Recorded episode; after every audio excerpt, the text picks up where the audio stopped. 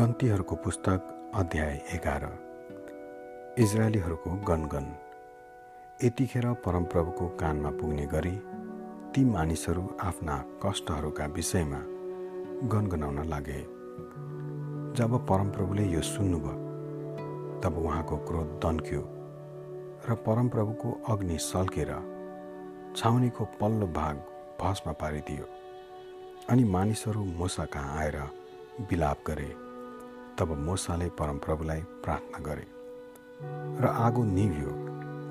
यसकारण त्यस ठाउँको नाउँ तबेरा राखियो किनभने परमप्रभुको आगो तिनीहरूका बिचमा दन्केको थियो अनि तिनीहरूसँग भएको एक हुलिया समूह साह्रै लालची भयो र इजरायलीहरूले फेरि रोएर भन्न लागे हामीले मासु खान पाए त हुन्थ्यो।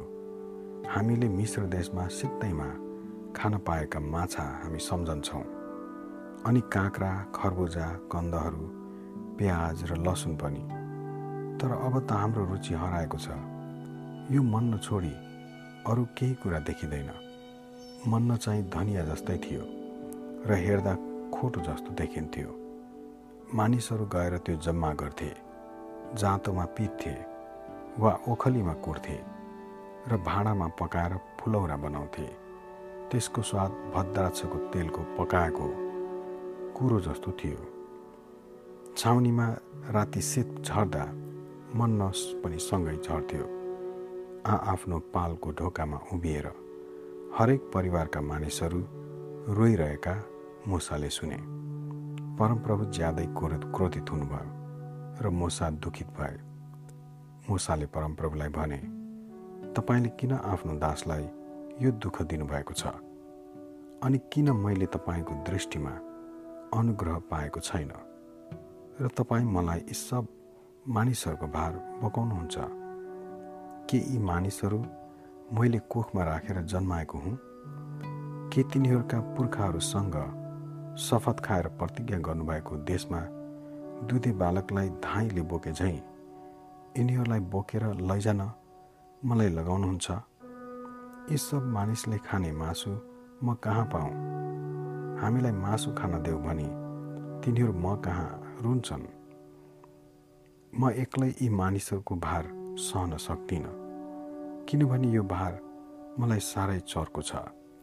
तपाईँ मसित यस्तै व्यवहार गर्नुहुन्छ भने र मैले तपाईँको निगाह पाएको छु भने बिन्ती छ। बरु मलाई मारिदिनुहोस्। र मैले आफ्नो विनाश आफै हेर्नु नपरोस्। तब परमप्रभुले मुसालाई भन्नुभयो इजरायलका धर्मगुरुमा सत्तरीजना जम्मा गर जो मानिसहरूमा नायक र अधिकारहरू छन् भने तँलाई थाहा छ। अनि तिनीहरू भेट हुने पालमा ले र तिनीहरू त्यहाँ तेरो साथमा उभिउन्। म तल आएर त्यहाँ तँसँग कुरा गर्नेछु। तँमाथि भएका आत्माबाट केही लिएर तिनीहरूमाथि राखिदिनेछु। तिनीहरूले तसँगै ती मानिसहरूको भार बोक्नेछन् र तैँले एक्लै बोक्नु नपरोस्। तैँले मानिसहरूलाई भन् भोलिको निम्ति तिमीहरूले आफूलाई चोख्याउनु। जब तिमीहरूले मासु खानेछौ तिमीहरूले परमप्रभुको कानमा यसो भनेर रोएका छौ। हामीले मासु खान पाए त हुन्थ्यो। हामीलाई मिश्र देश नै असल थियो। अब परमप्रभुले तिमीहरूलाई मासु दिनुहुन्छ र तिमीहरूले त्यो खानेछौ। दुई चार या दस बिस दिन मात्र होइन तर नाकबाट निस्केर वाक्क लागेसम्म तिमीहरूले महिनाभरि त्यो खानेछौ। किनभने तिमीहरूले आफ्ना बिचमा हुनुहुने परमप्रभुलाई अस्वीकार गरेर उहाँकै सामुन्ने हामी किन मिश्रबाट निस्केर आयौँ नि? भनिरहेका छौ। तर मुसाले भने मसँग यस यात्रामा पैदल हिँड्ने छ लाख छन्। तापनि महिनाभरि म तिनीहरूलाई मासु दिनेछु भनी तपाईँ भन्नुहुन्छ।